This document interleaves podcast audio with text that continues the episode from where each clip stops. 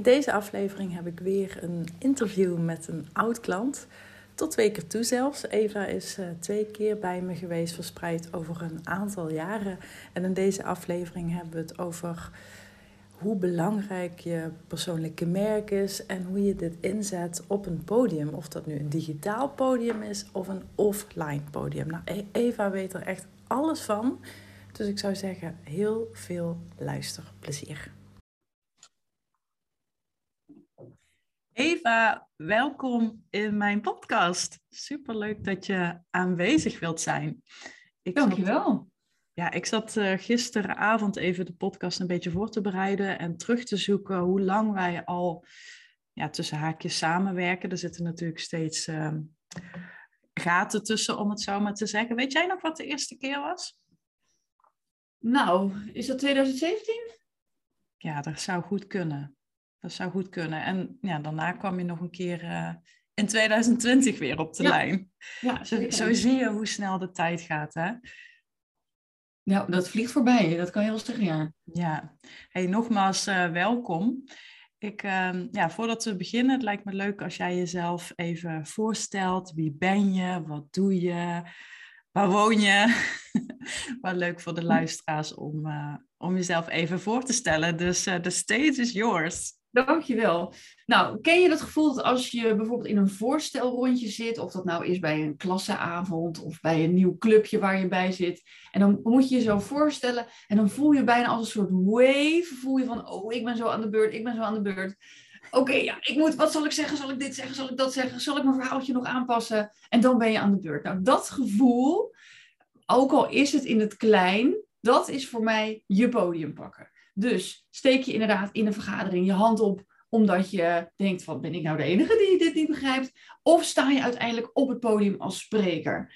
Dit gevoel van jezelf kunnen laten zien, elke dag een mogelijkheid zien om, of het nou op social media is, of een video of in je marketing, je expertise en je autoriteit te laten zien, dat is waar ik mensen bij help. En natuurlijk is het spectrum tegenwoordig van mensen die niet zozeer hun profielfoto durven te veranderen. Nu help ik vooral professionele sprekers, mensen in het bedrijfsleven, ondernemers, om hun, uh, hun bedrijf op de kaart te zetten. Maar eigenlijk, de essentie blijft toch altijd dat gevoel. Ja, een beetje zo'n luier-moment. Wat zeg je, wat voor moment? Een beetje zo'n luier-moment, zo van, uh, oh jee. Ja. ja, dat blijft altijd toch een beetje zo'n excitement in je, in je buik die je voelt. En, uh, en ga je door de weerstand heen naar de glans? Of blijf je, blijf je zitten in de coulissen? Ja, je hebt ook ooit zo'n uitspraak daarover gehad, hè? van struisvogel naar flamingo, ja. als ik me niet vergis. Ik weet natuurlijk niet of je hem nog gebruikt hoor. Zeker gebruik ik hem. Wees geen struisvogel, maar een flamingo. Haal je kop uit het zand en steek je kleurrijke nek uit. Dat is 100% waar ik voor sta. Maar het heeft ook die dualiteit in zich. Dat ik natuurlijk ook wel eens die struisvogel ben die iets spannend vindt om te doen. Maar uiteindelijk weet wat het me oplevert, weet wat het eindresultaat is van die fotoshoot of die talkshow of dat interview wat je doet. Dus um, ja, uiteindelijk doe, ga je altijd weer voor pushen jezelf weer om die, om die kleurrijke nek uit te steken. Oh, ik kijk daar wel van op dat jij dus nog steeds wel spanning voelt, terwijl jij zoveel ervaring hebt. Want ik weet dat je vroeger ook voor de tv heel veel hebt gedaan, toch? Ja, ik heb tien jaar lang het nieuws gepresenteerd. En het is inderdaad wel zo dat als je iets dagelijks doet, dat je daar natuurlijk minder zenuwachtig voor wordt. Dus toen wij het nieuws presenteerden, was altijd duo-presentatie, zaten we inderdaad echt nog tien seconden voor het rode lampje geintjes te maken en elkaar te prikken en te porren. Dus weet je, je wordt daar inderdaad wel relaxer in. Maar als er iets nieuws is, de eerste keer dat je het in het Engels moet presenteren of een, een, een best wel uh, een, een, bijvoorbeeld een talkshow voor een klant die daar zelf heel veel hoge verwachtingen van heeft. En jij weet van ik moet daaraan gaan voldoen. Ik moet het inkoppen, al het werk wat al die mensen hebben, hebben gedaan. Ja, dat geeft echt wel excitement. Maar het is, ik probeer het dan ook positief te framen voor mezelf. Dus ik weet dan, oeh, excitement, we gaan ervoor. Yes. Het is een soort pijl en boog die je afschiet. Dus ik ja. gebruik die, die zenuwen meer als de energie om de boel af te schieten.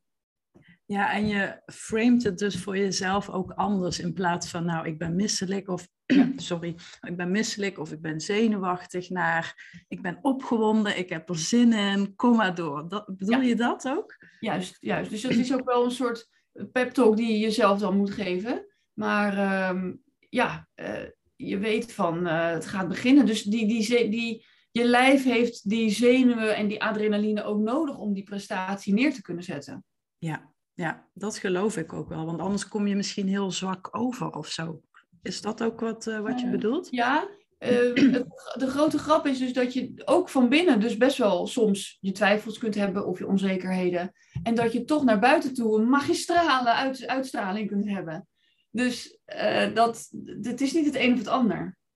Ja, en daar help jij natuurlijk mensen bij om dat helemaal te ownen en te leren. En daar je mindset en ook je, je vaardigheden op het podium, denk ik, gewoon in te oefenen en je daarin te verbeteren. Dat 100%, maar als we het hebben over uitstraling, dan is het natuurlijk ook jouw vak. Dus jij doet het op een ander terrein. Maar dat is, heeft helemaal te maken met hoe serveer ik mezelf naar buiten toe en um, wat straal ik daarmee uit. Ja, ja, leuk hoe je dat zegt. Hoe serveer ik mezelf? Ja. Op zo'n dienblad. Ja. hey, en ja, we hebben natuurlijk raakvlakken. Hadden we net in het introgesprekje ook al heel even kort uh, over. Kun je vertellen in hoeverre je positionering, maar ook je persoonlijke merk bijdraagt aan je verhaal, aan je pitch of hoe je op zo'n podium staat? Ja, ik denk dat het met name ook te maken heeft met uh, professionaliteit. Uh, wat straal je uit? Dus stel dat jouw boodschap al is van je hebt de legitimiteit om um, een expert te zijn. Want je hebt bijvoorbeeld bepaalde ervaring in of het zakenleven of persoonlijke ervaring. En je bent ervaringsdeskundig. Um, nou, je hebt zeg maar dus redenen waarom mensen de, de moeite nemen om naar jou te luisteren. Hè? Het snijdt hout, wat je zegt. Maar als dat vervolgens in de verpakking zit van iets heel onzekers, amateuristisch, uh, rommelige toestand, dan hebben mensen alsnog niet de neiging om dat serieus te nemen. Dus het, het gaat hand in hand, die vorm en inhoud. Ja, ja, super interessant ook inderdaad. Ja. ja. ik kan me ook wel voorstellen dat heel veel mensen misschien best wel zeker zijn als ze een salesgesprek voeren of misschien wel een Instagram story maken. Ehm, in plaats van echt, echt op een podium gaan staan. Hopelijk kan dat natuurlijk uh, binnenkort uh, weer. Hoe, hoe kijk je daar tegenaan? Hoe kun je jezelf daarin trainen? Ja, uh, in ieder geval eerst ja zeggen als je ooit wordt uitgenodigd. En dan gaan uitvogelen hoe je het doet. Maar in ieder geval niet nee zeggen omdat je denkt dat je er nog niet klaar voor bent. Want als iemand jou uitnodigt, dan heeft die ander er dus vertrouwen in dat jij uh, de moeite waard bent in die positie. Dus neem dat aan en, en ga ervoor. Um, en ik vind ook dat die, die dingen eigenlijk ook bij elkaar horen. Dus als je jezelf al laat zien op stories of op LinkedIn. Het is een soort steeds overtreffende trap. Hè? Hoe ga je steeds weer even dat kleine uh, elastiekje van die comfortzone optrekken? Het is best moeilijk om vanuit je zolderkamer meteen naar een podium te gaan. Dus Hel, Train jezelf ook op die manier. Zie het ook als een onderdeel van het, van het hele pakket. En ja, ja in, in wezen met het sprekerschap is het zo dat je ook gewoon klein kunt beginnen. Een workshop of een training geven heeft ook al te maken met spreken. Dus het is ook een beetje hoe, hoe frame je het, wat je aan het doen bent. Als jij ook steeds alles naar beneden haalt van ja, het is gewoon een beetje aan de keukentafel uh, overleggen. Hè? Dat is natuurlijk. En je, maar je mag eigenlijk, vind ik, omarmen dat dat dezelfde energie is die je straks meeneemt naar dat gesprek voor 50 man of 100 of 500. Dan mag je nog steeds daar dat gesprek voeren. En je moet niet denken dat je in die positie ineens een rol van een deskundige moet gaan spelen. Ja, oh, dat vind ik wel heel mooi hoe je dat zegt, inderdaad. Ik ben zelf ook toevallig, had ik het daar gisteren met, uh, met Rick over, mijn vriend. Dat, uh, we wonen nu in Arnhem, we zijn verhuisplannen aan het maken. En toen ik net in Arnhem woonde, zo'n uh, acht jaar geleden denk ik, toen heb ik de omslag gaan maken van meer het grafische naar het stukje personal branding slash positionering. Mm-hmm. En toen ben ik ook een soort van die ja, mini-sprekersklusjes gaan doen op, nou klusjes, dat klinkt dus nu heel stom, ja. klussen. Ja. Sorry. Maar voor, hè, voor, voor netwerken. En, en soms zaten daar vijf mensen, soms zaten er tien. En ik weet ook wel hoe spannend ik dat altijd vond, maar ook hoe lekker het voelde als je het gedaan had. Ah, top. Ja. ja. En het, ja, het grootste podium waar ik, en dat was voor mij echt wel een serieus uh, luiermoment. Er was een podium in de, in de Amsterdam Arena. En daar waren volgens mij toen iets van 150 mensen. Ja, dat was wel een dingetje hoor. Kijk, wat cool. En heb je daar toen ook foto's van gemaakt? En heb je dat een beetje gedeeld? Ja, ja, ja, er zijn foto's van gemaakt inderdaad. Dat was op een... Uh, ja, dat, ging, dat was een netwerk of een, of een presentatie over ja, waar ging het over? Affiliate marketing onder andere. En, en, en Instagram was volgens mij ook een, een topic. Dus er waren een aantal uh, elementen. Ja. En ja, ik stond toen echt op een serieus podium met echt heel veel gezichten wat me aan zaten te kijken. Ja. En um, ja, ik, ik weet wel dat ik echt maanden van tevoren al die, ja, die, die spanning voelde. Is dat normaal dat je dat zo ruim van tevoren voelt? Nou ja, zeker als het natuurlijk nog onwennig is, dan kan ik me dat best wel voorstellen. Maar ik vind wel dat je dus ook goed um, die andere sessies die je hebt gedaan mag omarmen. Dat je daar natuurlijk al heel veel groundwork hebt gedaan voor, dat voor die expertstatus die je dus hebt gekregen. En ook voor alles wat je natuurlijk online doet. Daar, daar uh, ook heel veel respect voor wat je daar neerzet. Um, kijk, heel vaak is er toch, en dat is misschien ook iets Nederlands, dat er bij uh, presenteren wordt gedacht van sommige mensen kunnen het en andere mensen kunnen het niet. Terwijl het mhm. iets is wat je ook moet leren en waar je ervaring in op mag doen. En het nare van presenteren is natuurlijk dat als je die ervaring opdoet, het ook al meteen voor het echt is. Want het is natuurlijk een verschil of jij in je eigen, uh, je eigen kledingkast staat te murmelen voor jezelf, of dat er ineens honderd mensen naar je kijken. Dat snap ik heel goed. Ja. Desalniettemin moet je het veel liever voor jezelf zijn. Niet die anouk van je eigen jury en jezelf gunnen om hier stapje voor stapje beter in te worden. Ja, ja, en ik denk ook dat, hè, want je zei ook van uh, spreken, iedereen, iedereen kan het. En de een gaat het wat makkelijker af dan de ander. Ik werk inmiddels, en dat is dan een beetje in between onze samenwerking geweest, waarschijnlijk ben ik met Fascinate begonnen. En met archetypes en hoe je vanuit een archetype um, communiceert, maar ook hoe je overkomt en hoe je, hoe je aangaat, om het zo maar te zeggen. Mhm. En dan, dan merk je ook dat gewoon bepaalde types van nature makkelijker echt op, op dat spreekwoordelijke of figuurlijke podium ook echt kruipen dan andere. Ja. Maar ik ben dat wel... Dat klopt, maar jij, jij denk, denk ik ook bij jouw klanten adviseer je ze ook om te kijken welk podium past dan het beste bij jou. Ja. En dat is dus een, een keuze die je kunt maken. En de andere keuze zou zijn, misschien heb jij, ben jij degene die heel veel flair heeft en durf je bijvoorbeeld heel veel interactie of durf je zelfs een uh, nummer aan te zetten en met iedereen meedansen, weet ik, verzin maar even wat, hè? Ja. En, maar misschien moet jij, als je, als je dit gaat voorbereiden, misschien heeft een ander meer baat bij werken aan bijvoorbeeld een mooi stukje storytelling. Van wat is nou een mooie ervaring die ik mooi kan uitpluizen en waar ik mensen mee aan het puntje van hun stoel uh, ik, heb, ik weet dat ik ooit een keer een lezing van iemand heb gezien die, dat was een vrouw, uit België kwam ze en ze had een groot wollen vest aan waar ze zich helemaal in verstopte. Dus je zag al meteen van, nou, deze mevrouw voelt zich niet helemaal op de gemak. Ze schuifelde iedere keer helemaal naar het achterdoek van het toneel. Dan kreeg ze weer een zetje van iemand, dan ging ze weer naar voren en dan als een soort schildpad trok ze zich weer terug. En, maar haar eerste zin was, als kind ben ik in een pot met kokend water gevallen.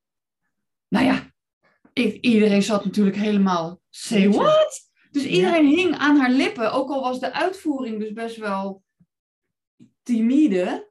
Ja. De boodschap was alsnog heel fascinerend. Dus weet, durf jezelf gerust te stellen dat je niet meteen Tony Robbins hoeft na te doen. Want het gaat dus ook niet om nadoen. Maar dat er dus meerdere wegen naar Rome zijn. Ja, dus eigenlijk zou je vanuit je archetype ook je presentatievorm en je verhaal en de manier, letterlijk hoe je het podium pakt en hoe je met de mensen tussen haakjes speelt, kunnen aanpassen.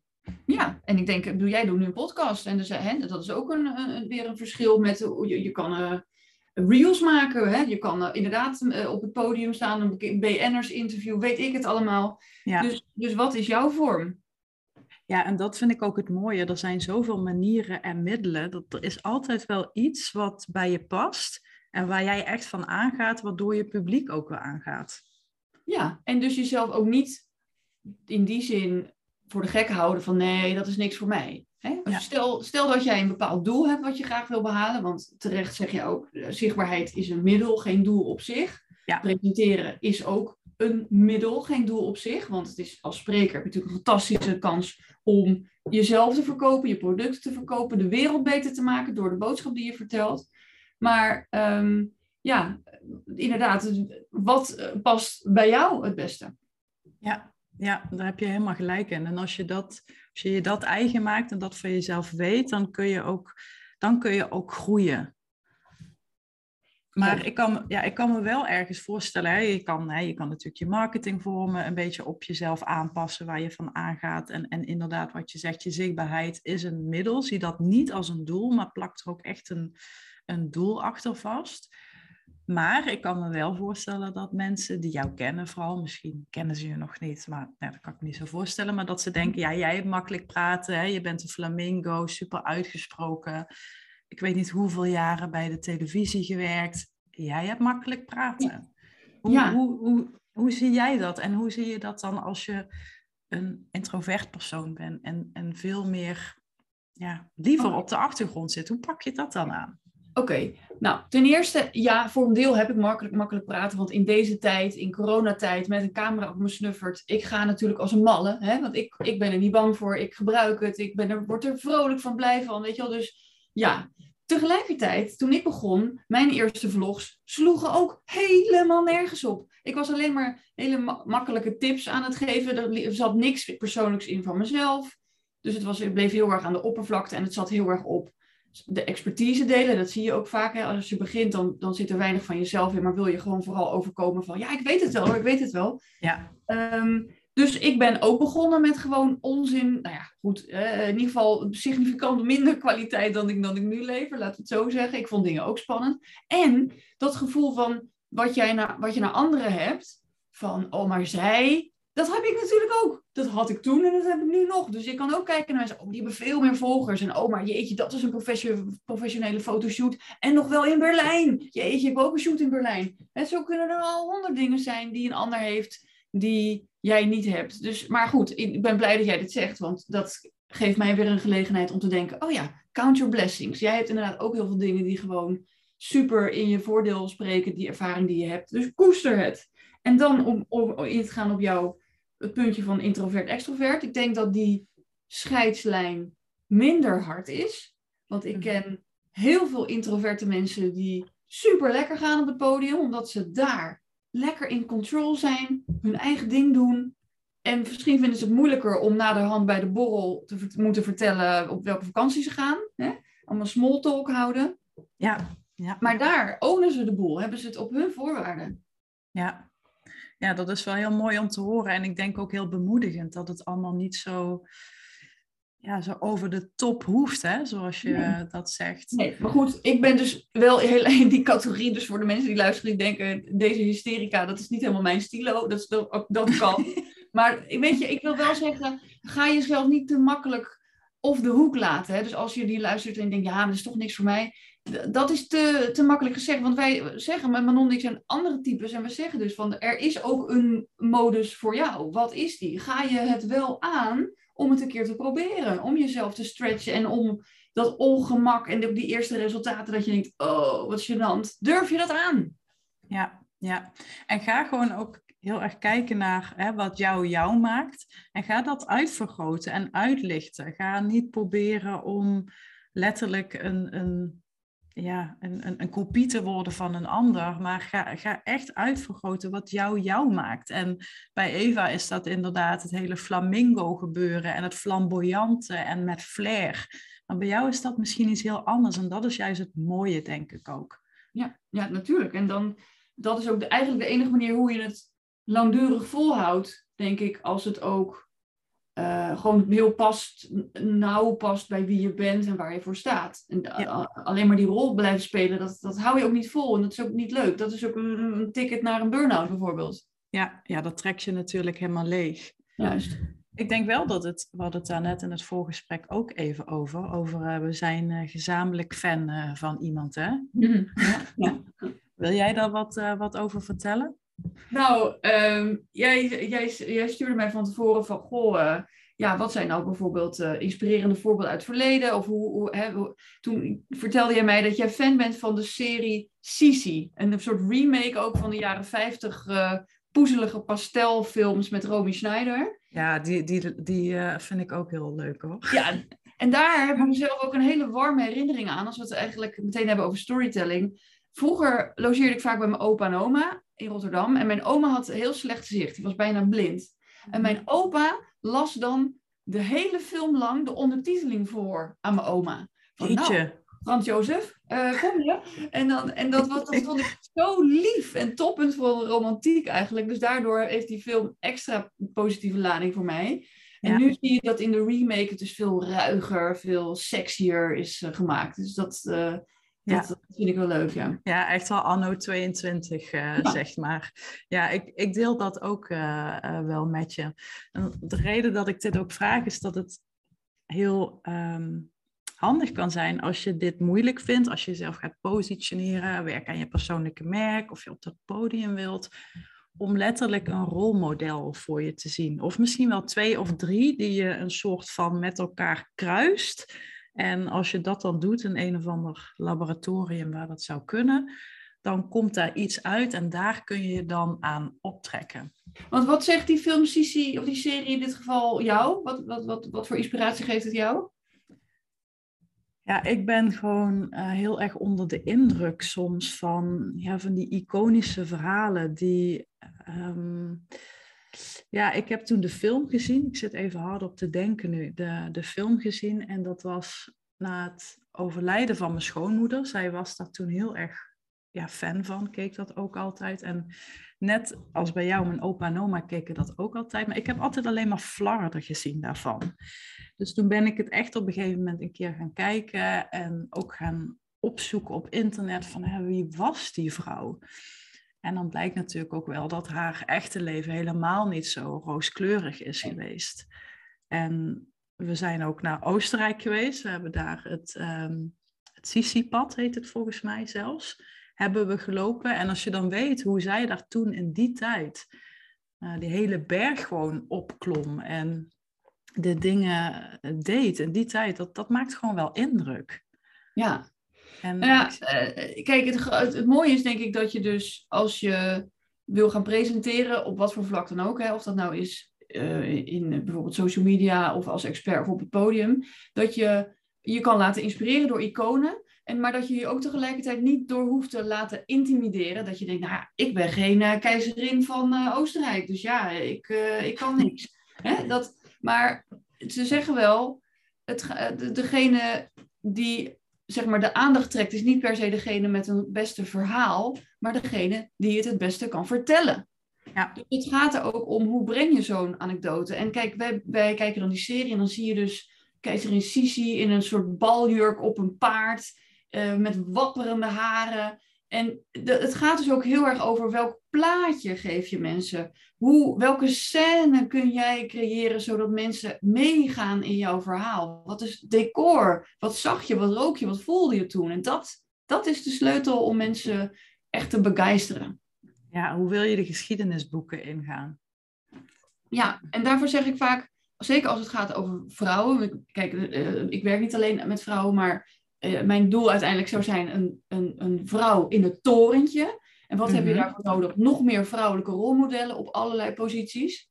Ja. En als je kijkt naar de geschiedenis van vrouwelijk sprekerschap, dan komen we dus heel lang er totaal niet aan te pas. Dus de hele Griekse Romeinse retorica is gewoon per definitie gedesigned voor mannen om zichzelf status te geven en te onderscheiden van de rest. Daarom komen wij er vaak bekaaid vanaf van nou, wat een rare stem, wat klinkt dat schel, omdat het ook door, via een mannelijke meetlat gaat.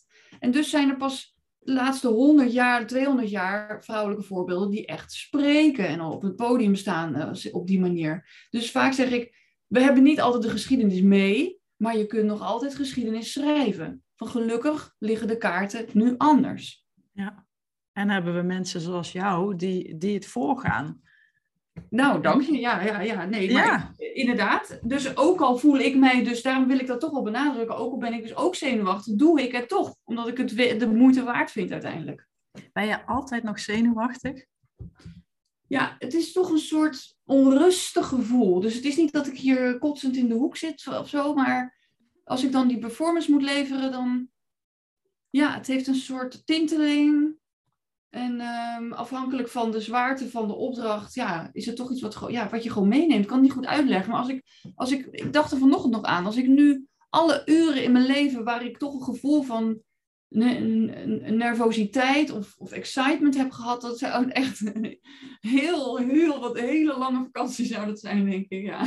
ja. Ja, wat, wat, wat zit daaronder, denk je, qua overtuiging? Is dat uh, bang voor afwijzing? Of, of, of wat zit daar, denk je, over het algemeen onder bij mensen?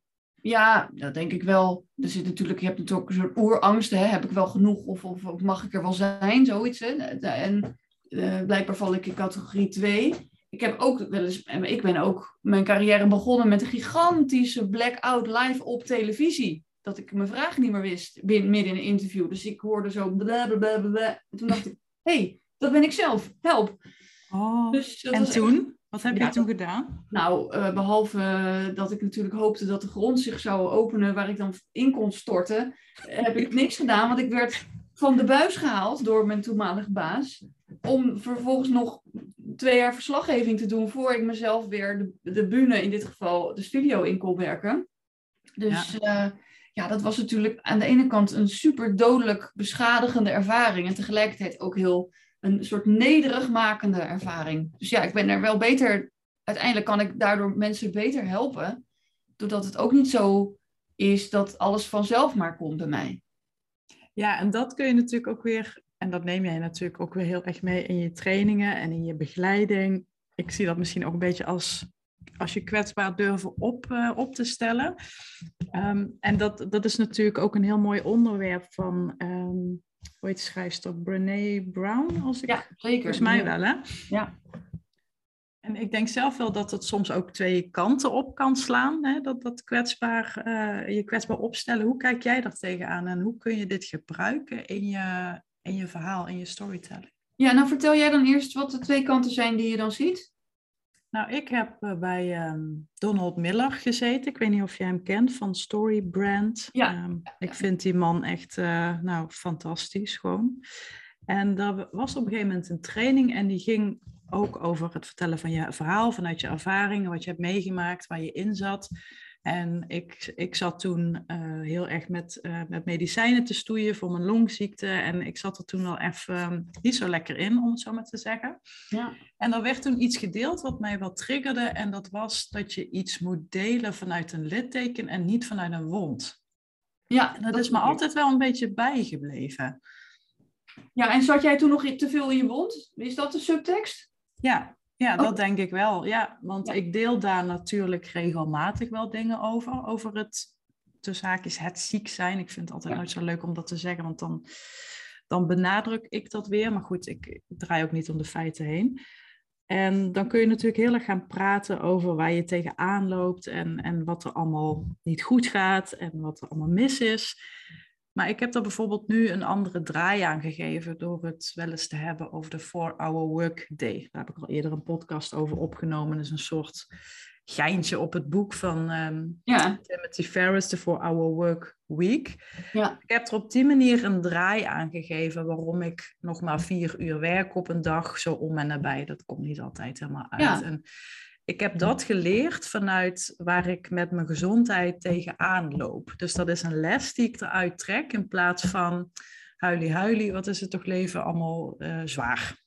Nou, weet je, ik vind, ik ben ook blij dat ik jou zelf door de dingen die je deelt beter heb leren kennen. Want het is inderdaad ook een ander geluid dan wat je soms hoort. En het ironische is natuurlijk dat als je chronisch ziek bent, dan blijft het dus natuurlijk in die zin een wond tussen aanhalingstekens en komt er ook niet zo gauw een litteken. Desalniettemin heb jij ook superveel fases gehad in, in dit verhaal. En die hebben bijvoorbeeld Six Style ontwikkeld. Dus je eigen kledingmerk. Ja. Met geweldige slogans en zo. Dus dat is natuurlijk op zich een fantastisch inspirerend verhaal. Hoe je iets wat je meemaakt kan ombuigen naar iets positiefs. En tot op dat hoogte kun je ook zeggen, dat deel is misschien wel meer litteken dan wond. Hè? Misschien ervaar je weer andere dingen die nog wond zijn. Maar je hebt ook closure op sommige dingen. Of kan je ook weer terugkijken op dit heb ik ervan geleerd. En jij geeft mij altijd een gevoel van relativering. Dus het is niet alleen maar de. Hè, soms heb je, word je opgehitst door social media. Soms heb je, krijg je het gevoel van: oh, ik moet geld verdienen. Oh, ik moet ook aan een zwembad liggen met een cocktail. En jij bent juist iemand die veel meer kijk, waarom ben je ook efficiënt gaan werken? Of waarom ben je ook na gaan denken over misschien op een andere manier je bedrijf inrichten? Ook, ook vanwege je gezondheid. Dus het heeft je in die zin ook veel inzichten gegeven, lijkt mij, of niet? Ja. De psychologie van de koude grond. Ja, nee, nee, absoluut.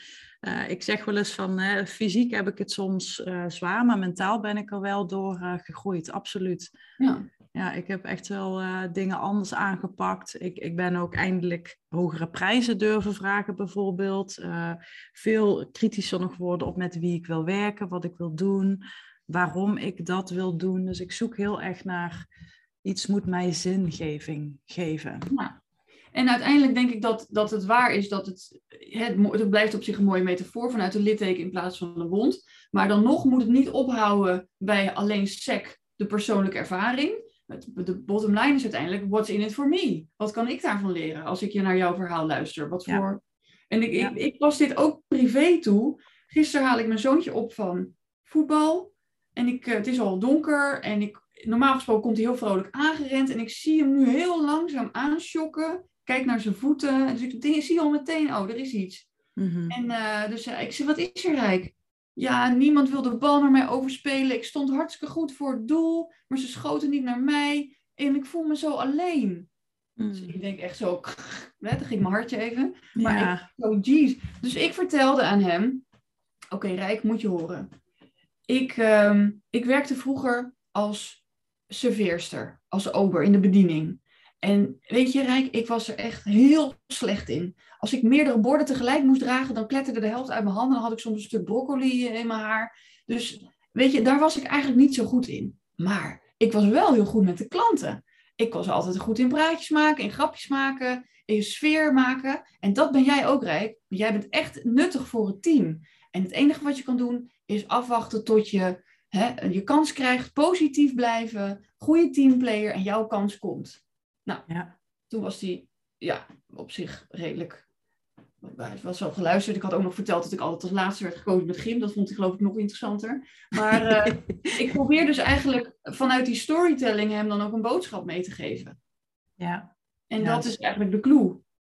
Ja, en, en, en, en, en ik weet ook zeker als mensen nu luisteren, en ik nu ook, nu je dit zo vertelt, een verhaal, dat, dat zuigt je meteen mee of zo. Het, het werkt ook heel beeldend, je ziet het voor je.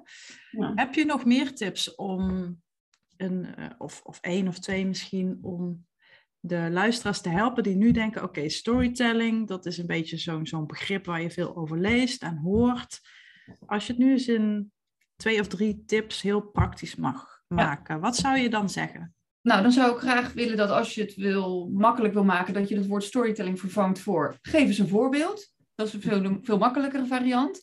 En hoe heb ik net dat verhaal verteld? Ik heb de sfeer neergelegd, dus ik heb gezegd het was al donker. Hij liep met zijn schouders naar beneden. Uh, hij slofte. Dus ik gaf wat details over de setting. Um, ik vertelde over dat ik een slechte serveerster was, dat er zelfs broccoli in mijn haar zat. Dus dat is ook een soort kleurrijk detail.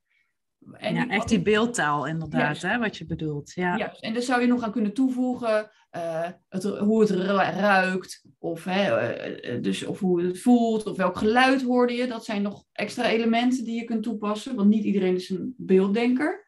Mm Maar um, oh, het, het, gaat er eigenlijk vooral om dat je dus niet zeggen... Ik zou dan ook kunnen zeggen, ah joh Rijk, maar jij bent echt een teamplayer. En dan bij dat abstracte begrip had hij dan geen beeld... En dan had het hem niks gebracht, dit commentaar. Maar door hem een beeld te geven, en dat is dus de opdracht die je dan krijgt bij geef eens een voorbeeld, maak het kleurrijk, beeldend met details waar je wat mee kan, dan wordt het een verhaal. Ja, dus ook echt je zintuigen gebruiken of je iets nu gaat vertellen, schrijven, podcasten, video, eh, of je nu een Instagram post maakt of een blogartikel probeer dus ook die zintuigen te triggeren door bijvoorbeeld jezelf af te vragen hoe zou dit ruiken of hoe ziet dit eruit. Of ik weet dat ik ooit van iemand een, een voorbeeld ook kreeg. Die zei van, hé, je praat niet over de supermarkt, maar heb het over bijvoorbeeld de appie. Ja, en oh, je ruikt daarin ook je eigen, letterlijk je eigen woordgebruik. Dus echt je eigen tone of voice gaan koppelen aan dat wat je wil zeggen. Ja, en dan zou ik het nog leuker vinden als iemand even de, de scène plaatst tussen de schappen. Hè? Terwijl je net met de sinaasappels bezig bent, kom je, komt er ineens iemand naar je toe. Hè? Bij wijze van, maak het even nog wat feestelijker. Ja. Ehm, en ik vind het heel goed dat jij zegt schrijven of bijvoorbeeld podcast. Dus deze technieken zijn inderdaad niet alleen maar voor, degene, voor de mensen met de grote mond die dit dan vervolgens uh, in een uh, Insta live anderhalf uur gaan doen. Er mhm. zijn dus meerdere manieren om diezelfde technieken toe te passen.